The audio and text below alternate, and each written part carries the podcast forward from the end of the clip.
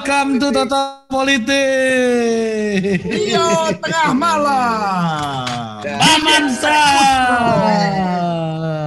Didit Ari Putro. Kira-kira ada yang nonton nggak ya? Hari ini Gila kita ada yang nonton bos, 21 bos yang nonton. Gila. Dan hari Gila, ini sebenarnya kita gila. kumpul bukan karena apa-apa, bukan ada topik yang mendesak, bukan karena negara gonjang-ganjing, dunia akan perang, tidak. Tapi kita di sini merayakan 30K. Ya, ternyata, ternyata. ternyata Gue perjuangan kaget.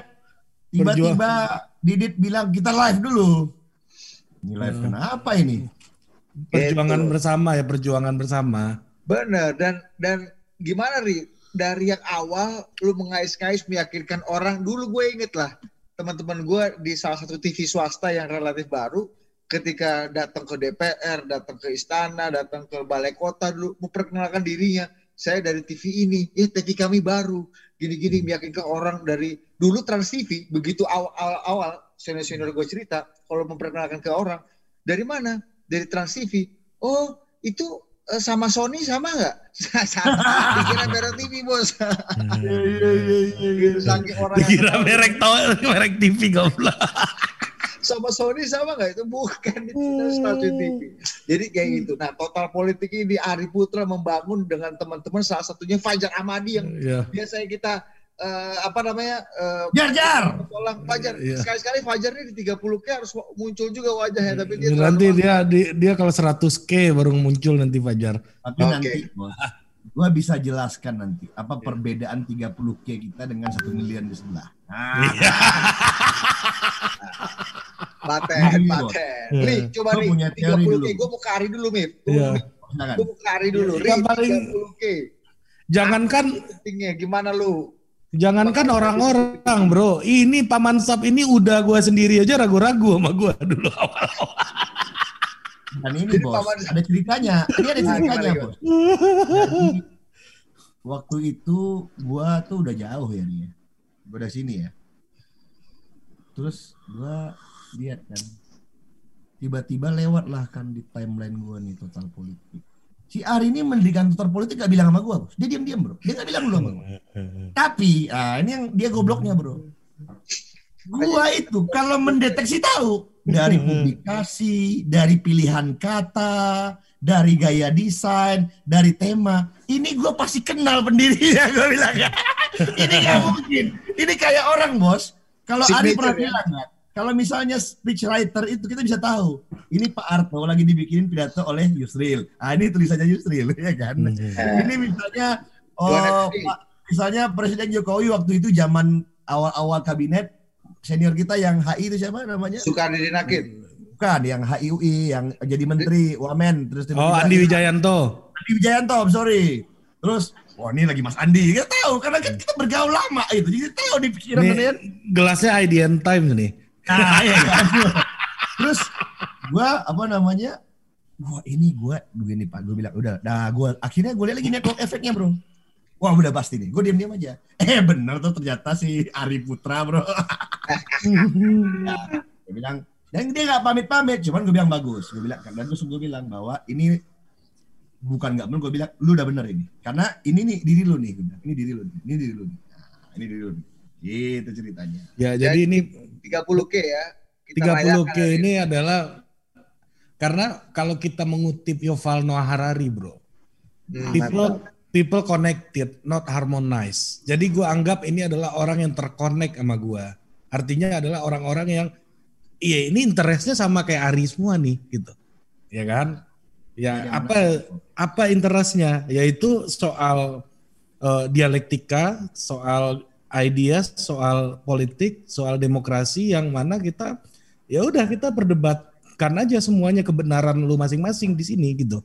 Iya. Gua gua sangat open dengan itu gitu. Dan sebagai penggemar total politik, gue akui total politik ini kalau untuk positioning dan diferensiasi sebagai eh, media ya yang membawa pesan, yang membawa apa pemberitaan, dia ini namanya nggak main-main bos. Jadi nggak ada hipokrisi di sini. Total politik ya total politik kan ada yang Apa? namanya eh, apa-apa-apa tapi sebenarnya bahas politik. Ada yang namanya betul lawyers betul. tapi bahasnya politik, ya kan?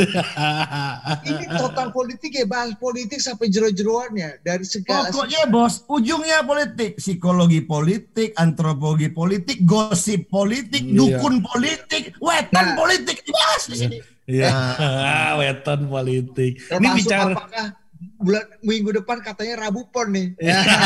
Pon. Apakah ada reshuffle di Rabu Pon? Karena Rabu Pon adalah wetonnya Pak Presiden. Nah, kalau itu benar terjadi, berarti kita harus menjadikan unit analisanya weton-wetonan, wetonism. Nah, Wetonism. Betul. Ini karena kompetitor- karena kawan-kawan tuh dulu zaman Pak Harto tuh juga sangat ini ya. Ada mistifikasi weton-wetonan dan itu dipakai untuk mengambil kebijakan ya, Mip? Lu pernah dengar cerita-cerita gitu nggak? Wah, kalau gue nggak dengar cerita itu, bro. Jadi ada kalanya gue sebagai young political scientist at the time, ya kan. Jadi nggak hanya Mardigu, Saido Said apa apa apa namanya eh, apa Shadow. itu? Shadow Shadow. Kita pernah main Shadow juga. Jadi bro, gue bertemu dengan salah seorang pokoknya udah tua lah, apa senior lah, zaman zaman apa namanya, yang diperin, gue nggak bisa sebut nama di sini. Jadi dia ini salah satu tangannya Jenderal Ari Murtoko. Nah, makanya gue percaya dengan rasionalitas dalam memainkan politik. Waktu itu ketika mengkonsolidasi kekuasaan pertamanya, yang dilakukan oleh eh, Pak Ali Murtopo adalah mengkonsolidasikan seluruh dukun di tanah Jawa. Jadi waktu itu dukun-dukun di Banten, dukun-dukun di Jawa Tengah, dukun-dukun di- konsolidasi. Ha. dikumpulin Pak oleh apa namanya Su- Sujono eh, Ali Mardani. Sujono Mardani benar Sujono Mardani. Nah apa waktu itu Umar Dhani eh, apa kira bukan stafsus namanya waktu itu adalah asisten khusus ya apa namanya opsus Bukan ya Otsus. Eh, bukan Oh, Opsus. apa Apa namanya? namanya? eh, apa namanya jadi mereka apa tugas mereka jadi eh, banyak orang-orang pejabat baik dia militer maupun aparatur sipil negara ya itu yang menjadikan dukun untuk naik jabatan dia datang ke dukun nanti dia bakal jadi dirjen nggak nih? Dia datang ke dukun bakal jadi direktur nggak nih? Dia bakal naik- datang ke dukun dari kolonel bakal naik ke jenderal nggak? Atau dia mau kolonel mau jadi korem di mana? Yang dilakukan oleh Sujono Mardani adalah membocorkan kepada asosiasi dukun. Eh tapi lu lapor sama gua. Siapa yang datang oh ini di dirjen transmigrasi direktur datang bilang oh ini nggak jadi dirjen dia harus ke sini dulu sehingga pak itu konsolidatif pak Iya kan? jadi Dan informasinya betul A1 ya. Jadi A1. analisanya dan Nah. prediksinya, forecastnya terjadi. terjadi jadi di nah bagi si subjeknya dia merasa memang jago ini dukun katanya kan ya kan tapi bagi Sujono Mardani dan Pak Ali Murtopo and the gang at that time ini proses rasional dan dia lapor sama presiden coba lu perhatikan nah, ada yang menarik ada yang menarik coba perhatikan nah kemarin gua share kepada beberapa orang terdekat gua dan kepada teman-teman juga kolega gua sebagai apa namanya ya analis politik, ilmuwan politik dan juga adik-adik gua nih yang mungkin punya passion yang sama. Wawancara misalnya Opung dengan Bang Ade Armando. Gua tuh Nah, Jonathan. kemarin gue bilang gini, tolong pelajari ini sebagai ilmuwan politik dan social scientist. Nah, itu aja bahasanya. Itu berbeda. Kenapa? Coba lu lihat di situ, bagaimana karakter leadership daripada Opung. Dia selalu bilang, apa-apa saya lapor presiden. Diingat, berulang-ulang kali dia mengatakan, jam setengah sembilan saya ketemu presiden. Setengah satu saya ketemu presiden. Ini tipikal, Pak. Nah, dan yang kedua, lu lihat lagi wawancara Bang Yos dengan Detikcom. Nah, itu sama lagi, Pak. Nah, gua- Bagaimana? gua- gua nonton. Sama lagi kalimatnya. Bang Yos bilang, apa-apa saya lapor presiden. Bagaimana dia ngambil apa namanya mengambil sama dikun di luar negeri, bagaimana ini, bagaimana dia turun negosiasi sama GAM. Nah, jadi, jadi intinya presiden sebagai simbol kekuasaan demokratis di Indonesia, tapi juga sebagai simbol kekuasaan di tanah Jawa, Pak. Yang dia meng- mengumpulkan jadi satu unit kekuasaannya eh, apa namanya demokratis, tapi satu unit kekuasaannya juga puncak simbol kekuasaan Jawa sebagaimana yang disebut band yang juga klenis. Maksud gua dia mengumpulkan informasi dan dia pilih nanti ke dia bergerak apa-apa lapor presiden. Nah, maksud gua waktu itu semua dilapor oleh Ali Murtopo. mana menteri yang kedukun, mana dirjen yang kedukun, dikasih tahu. Ini apa Pak? Bilang aja sana. Dia bakal jadi dirjen. Oh dikasih tahu. Nah nanti bos, sampai ada joknya. Jadi nanti dia kan akan kasih pesugihan dan kasih duit ke dukunnya. Bagi dua bos sama obsus. Pendapatan Pak. Jangan-jangan kawan-kawan kita di Tanah Abang itu mungkin ada sumbangan sedikit tuh dari per- Nah, ini gua nggak tahu. Ini kan cerita lama. Nah, gua waktu itu sebagai ilmuwan politik muda dan gua menjadikan itu sebagai data kan. Oh, berarti gitu ya gua bilang ya kan. Nah, berarti kan Kan nothing news denger blue sky. Apakah praktek ini masih ada atau tidak? Ini soal kalau dia udah punah nggak ada lagi. Kalau ada siapa yang menggantikan? Kan itu Nah, aja Pak Pran itu. di, kan. di, di tanggal-tanggal segitulah yang sekarang ki- kita kenal sebagai IDDI didirikan, Paman. Ah. Ikatan Dukun-Dukun Indonesia. Ah, Nah. IDDI. Nah, lagi Tapi- Pak, ini cerita Pak. Ini gua nggak bisa sebut lagi nih. Ada pengalaman misalnya. Sekretaris Presiden. Wah, ini ini nah, semua nih. Sekretaris Presiden di Indonesia. Gua nggak bisa sebutin namanya. Lu hitung aja deh. Mantan berarti Pak Jokowi ya. Sebelum Pak, ini sebelum Pak Jokowi nih. Lu hitung Oke, aja. oke. Nah, ada berapa? Sekretarisnya bilang, waduh mas, saya itu nanamin kolor singlet di depan tiang bendera rumah. Bapak ex presiden itu atau ibu ex presiden terserah lu terjemahin. Maksud gua, gua mikir bener bener apa nam itu gua bilang kan wah dia sumpah-sumpah ya kan maksud gua ya, ya dan dia bener dia dia memang berprofesi sebagai sekretaris, sekretaris presiden waktu itu bro jadi bukan Jadi orang yang valid ya. paling dekat ya kan gua narsum ya gua sedang melakukan wawancara mendalam waktu itu sebagai ya lagi buat riset gitu kan ya Iya. Nah maksud gua waktu itu itu yang membuat gua berinteraksi sama Ben Anderson tuh yang belakangan Ari juga seneng kan. Gua baca lagi paham kekuasaan Jawa, kuasa dan wibawa, paham apa namanya membaca lagi karya-karya tulis Ben dan Ben tuh unik gitu. Dia ya ini khas ya mas gua sebenarnya kan khas ilmuwan barat itu sebenarnya kan karena dia menuliskan kan. Jadi sebenarnya itu tuh udah ada di antara kita di Indonesia, tapi kan karena ilmu politik adalah ilmu yang dibawa oleh tradisi barat ke Indonesia juga sebagaimana demokrasi dan lain-lain ya. Dia punya disiplin itu, bahkan kita mengetahui kaidah-kaidah politik kita dari tulisan-tulisan asing kan. Nah, setidaknya dari waktu itu gua sedang mem- mem- membuat paper tentang itu gitu. Kira-kira gitu ya. Lu, lu tahu nggak rasional. tulisan Ben Anderson yang menurut gua sangat khas. Apa tuh? Jadi dia mau menjelaskan bagaimana eh, apa namanya Amangkurat III mewariskan kekuasaan kepada Pangeran Puger. gitu. Nah pas itu pulungnya itu keluar dari tiba-tiba titiknya Amangkurat III itu tegang dan ada cahaya di ujungnya dan kemudian diemut sama Pangeran Puger gitu. Dalam kepala gua kenapa contohnya ini? Kan ada banyak contoh lain. Kenapa tidak ada lain yang lebih menginspirasi? Iya, karena dia eh, apa kan homoseksual kan. Oh, siapa? Iya. Amakura tiga. Enggak Ben Anderson. Jadi Oh, Ben tuh ketika ketika dia ya? iya ketika dia dapat eh, bahan serat Jawa itu yang diambil contoh itu. Nah itu itu yang relevan sama orientasi seksual dia ya. betul. Iya. Tapi Ri dan Mif, dari cerita lu tadi soal perdukunan dan informasi ini meng- menggambarkan kepada dua orang yang dari perspektif gua. Satu Gus Dur, satu Miftah Sabri. Nah, Gus Dur itu apa yang lu cerita Ri, ya kan? Dia bisa bisa aja dalam forum-forum dia tidur ya kan? Kemudian dia bangun, dia bisa menjawab semua pertanyaan dan mengulas apa yang udah dibicarakan sama orang lain. Karena memang kalau kata Gus Dur bilang dan lu bilang juga dalam ceritanya, ya Gus Dur itu udah tahu ngomongnya sekitar situ-situ aja lah. Iya. Paling bicara soal statistik, datanya sampai Iya, di situ betul. atau sebelum saya tidur saya denger dia ngomong ini. Jadi mungkin Oh, kalau saya tidur. udah bangun nggak sampai segitu banget. Jadi akhirnya Gus Dur ditahbiskan jadi orang sakti gara-gara itu. Padahal itu rasional. Yang kedua, ada kawan kita namanya Miftah Sabri dalam Iya. sebuah era ketika demokrasi kita sedang musim semi awal-awal 2004 dan Iya. seterusnya Miftah sebagai political scientist dianggap sebagai pesugihan politik yang bisa Iya. mengkontes Gue juga pengalaman, jadi kan gue punya pengalaman Nah, pribadi padahal juga. itu kan data, itu kan data, yang Data. orang lain dalam tradisi demokrasi kita nggak bisa mengakses dan bisa mempergunakan data itu. Hanya orang-orang political scientist seperti Miftah yang Ya. dianggap akhirnya jadi dukun politik. Ya, Nah, jangan istilahnya ini bos, istilahnya tuh gue pernah pakai dulu istilahnya. Ada yang namanya early backer, ada yang namanya early adapter. Nah, nah gue early adapter waktu itu. Eh sekarang sih udah nggak early adapter lagi, makanya kita udah nggak kerjain lagi. Kita mendingan bertotal politik karena Iya. kita early adapter lagi bro. jangankan soal itu, Bro Budi. Kalau lu lihat ya, jangankan data politik. Dulu kalau baca The Name of the Rose itu kitab suci aja lu harus orang tertentu aja yang bisa Betul. membaca.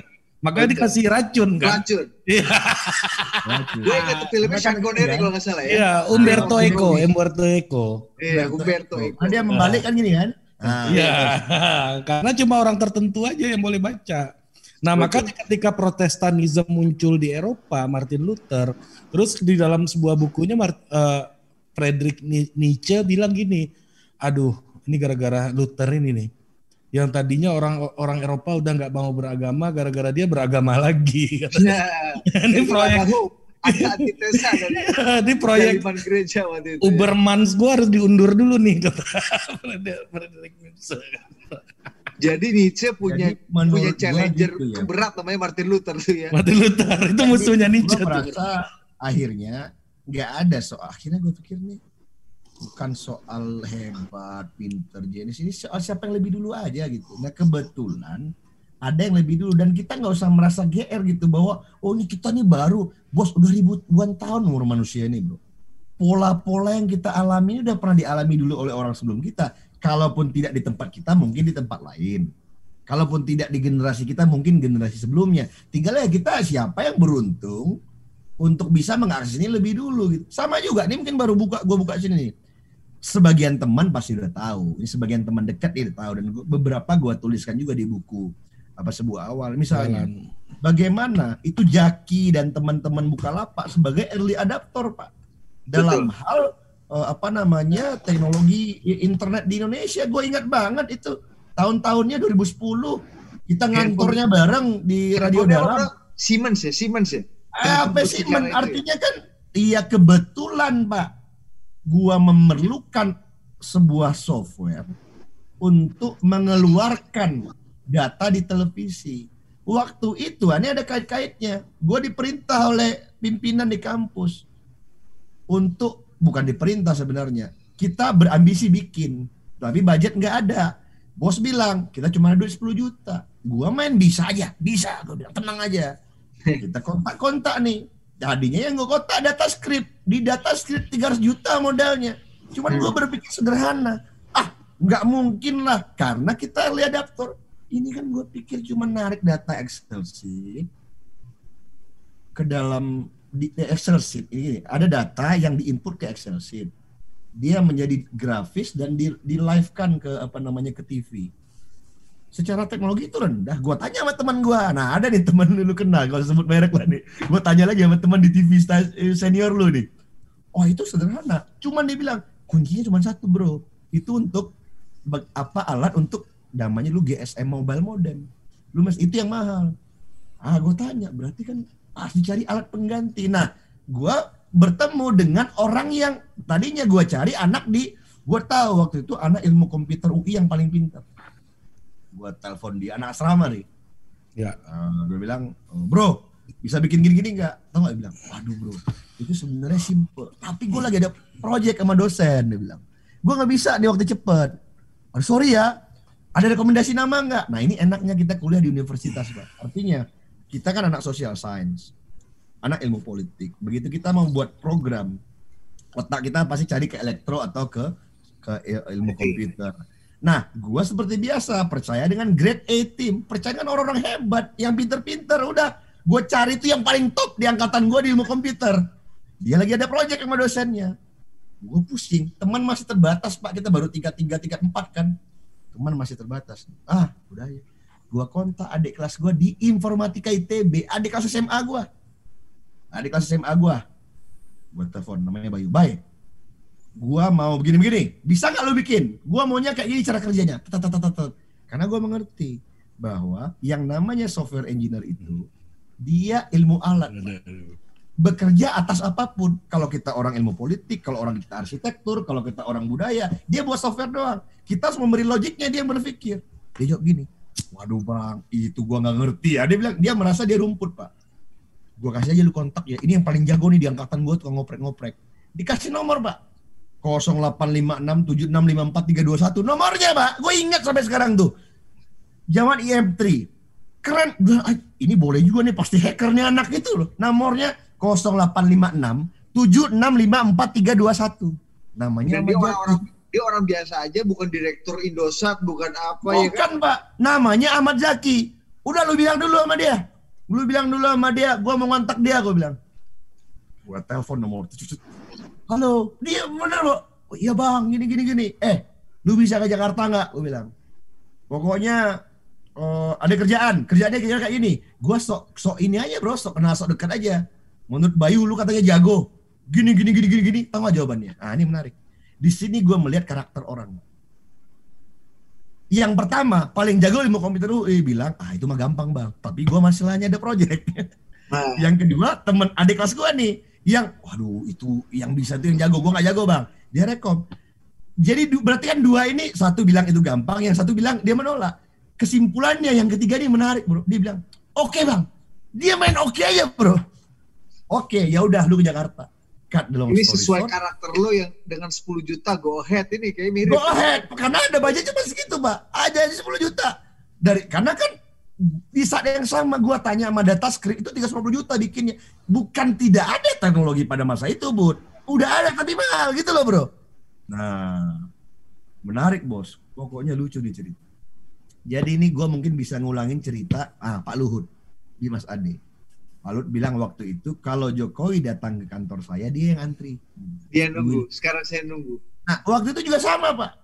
Jaki datang, gue lagi rapat di kan di, di UI, Pak. Di depan di, di pusat kajian di, di, di lab politik waktu itu. Dia nunggu, Pak, dua jam di luar. Eh, Datang cunga-cungu, dicungkring gitu kan. Eh, oh lu ya? Katanya lu jago. Oke dah, gue jelasin lah tuh di papan di dinding cara kerjanya. Eh, tahu nggak dia bilang? Wah, kalau kayak gitu susah juga ya bang. Bajingan nggak bos? Tadinya dibilang bisa, sekarang kalau gitu susah juga bang. Tapi yang menarik dari ini, ini menarik nih. Ini karakter di situlah gue udah memprediksi nih anak bakal jadi orang top di masa depan. Dia bilang gini sama gue. Tapi bang, saya akan datang tiga hari lagi. Cie gitu bos. Cut the long story short lagi bro. Intens lah kita kontak-kontak datang. Dan dan berhasil. Akhirnya dia bilang gini. Pakai apa lu caranya? Pakai gimana? Pakai alat Ini tambahannya ini- apa? Ini lucu nih, ini lucu nih. Ya. Dia bilang gini, ini kuncinya cuman di GSM Mobile ini bang. Nah dia benar dia bilang, nah, karena gue udah punya informasi dulu kan. Kalau kita beli GSM Mobile itu mahal maka ah, dia bilang nih ada satu bang. Jadi. Siemens itu C55. Kita perlu cari nih barang. Kita perlu cari ini barang. Karena kira-kira sederhana begini penjelasannya. Menurut riset dia, C55 ini kayak Siemens itu over qualify bikin barang bro. Overspec Jadi ya. Sebagai overspec. Jadi Siemens tuh baru masuk ke pasar HP, dia bikin barang ini nih overspec, nggak perlu bikin sekeren itu. Udah Iya. terlanjur bikin, kemampuan nyedot datanya tuh bisa. Tapi ini barang udah nggak ada. Ya udah kita cari aja, tau gak lu? Gua sama Jaki itu pergi ke Roxy naik bis, bro. naik bis kota. Jadi lu kalau aja naik bus ya bro. Waduh bro, gila bro. Dari Depok pak, Car dan gua belum pernah ke Roxy, belum pernah. Gue anak kampung kuliah di UI pak, ya kan? Belum pernah ke Roxy, gua cari sana cari sini, dapat dua biji. Nah ini sejak ini pinter juga dia. Harus dua bang, kita harus punya backup. Jadi memang logik otaknya udah jalan bro. Murah harganya tiga ribu. Jadi lu bayangin tiga ratus puluh ribu berarti dua tujuh ratus ribu kan bro. Ini duit untuk dia dia ada 10 juta bro ya kan? Ya.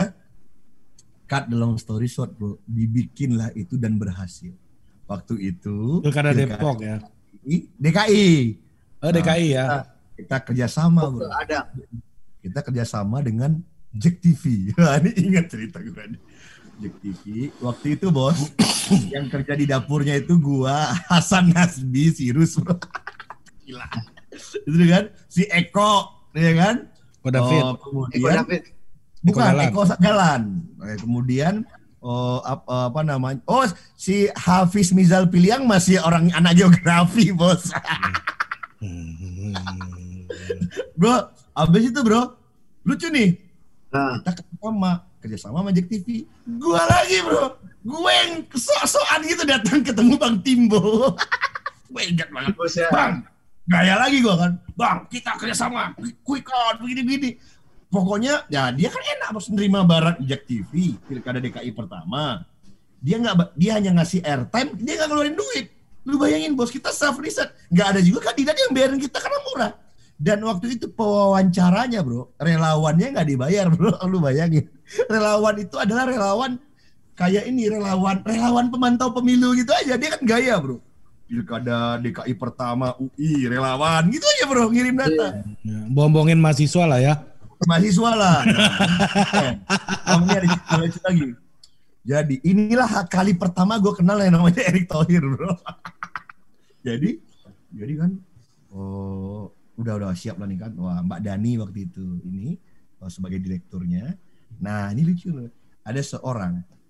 Jadi nanti ada analis dari luar yang mengomentari. Ini seorang anak muda baru pulang dokter dari Australia. Namanya Bima Arya tuh. Maria.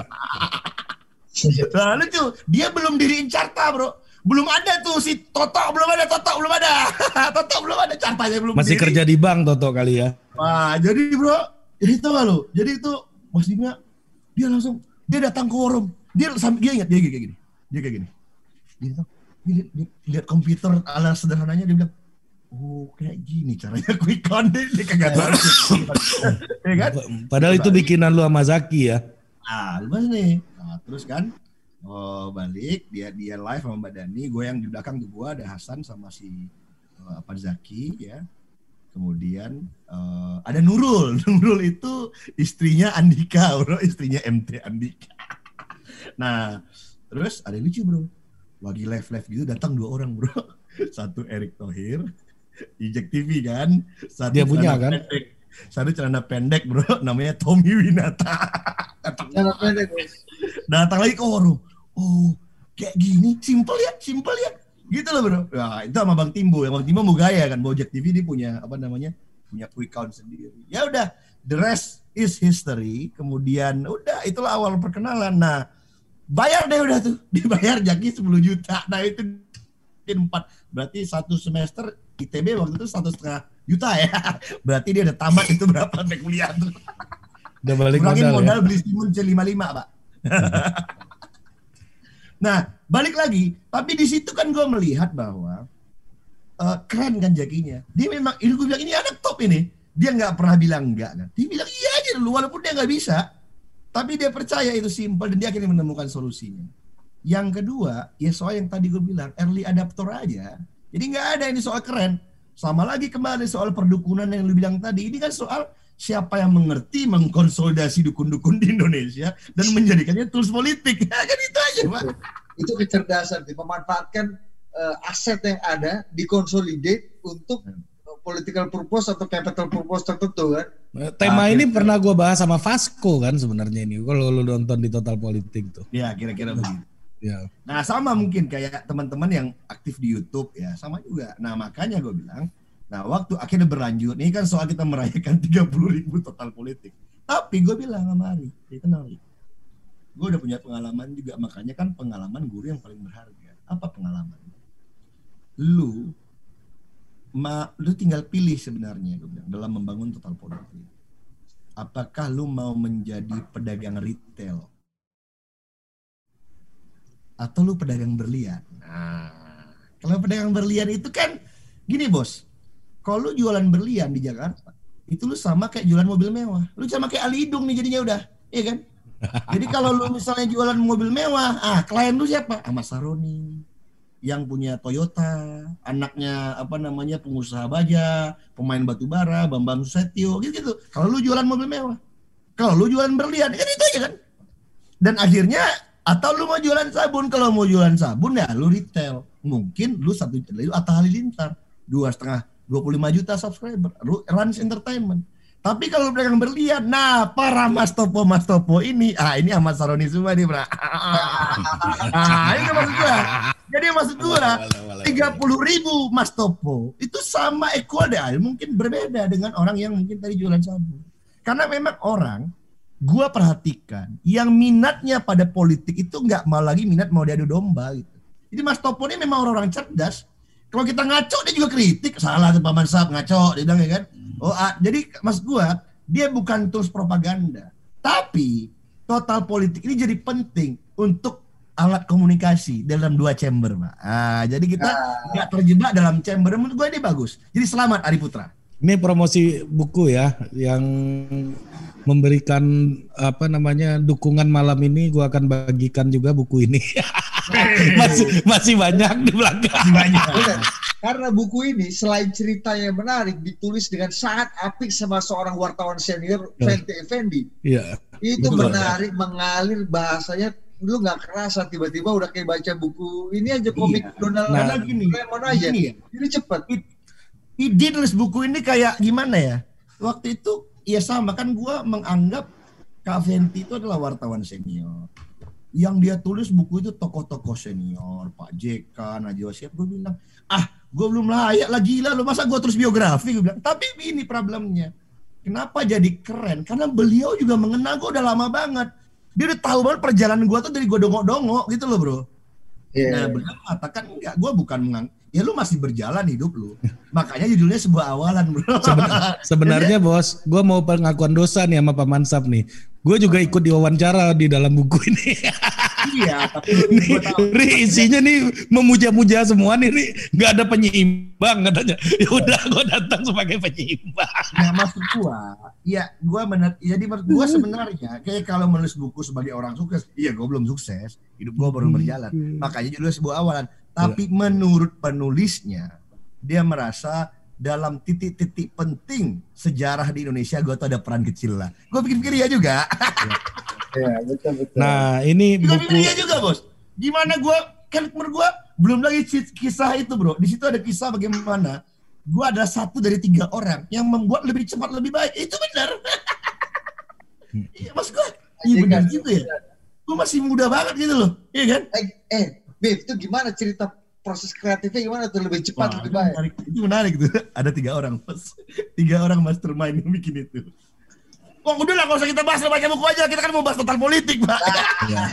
Paling kita pancing. Nanti Ya, aja lah. jadi em, di buku ini, buat gue sih buku ini bukan hanya soal Miftah Sabri ya, karena terlalu mengecilkan arti penulis ini. Kalau buku ini kita eh, batasi da- dari sosok Miftah Sabri gitu. Nah, buat gue ya total politik itu sekarang ya sebuah awalan juga. Ya. bagi lu sebuah awalan pada akhirnya. Bagi gua enggak, Bos. Jadi istilahnya gini. Iya. Waktu itu gua bercanda sama Kak Fenty. Oke lah Kak, kalau itu gua setuju. Kita mainkan. Dan tapi ini, tapi ada komitmen gua sama dia. Tapi lu harus berjalan terus ya katanya. Nanti ada sequel lanjutan dari sebuah oh, Oke, gua udah punya judul bro untuk buku kedua setelah ini. Iya. Namanya langkah pertama. Karena itu stop. Buku itu stop. Jadi dari gua kecil sampai ke ini kan, gua akhirnya terjun ke politik kan. Oh, setelah itu kan banyak yang terjadi, Pak.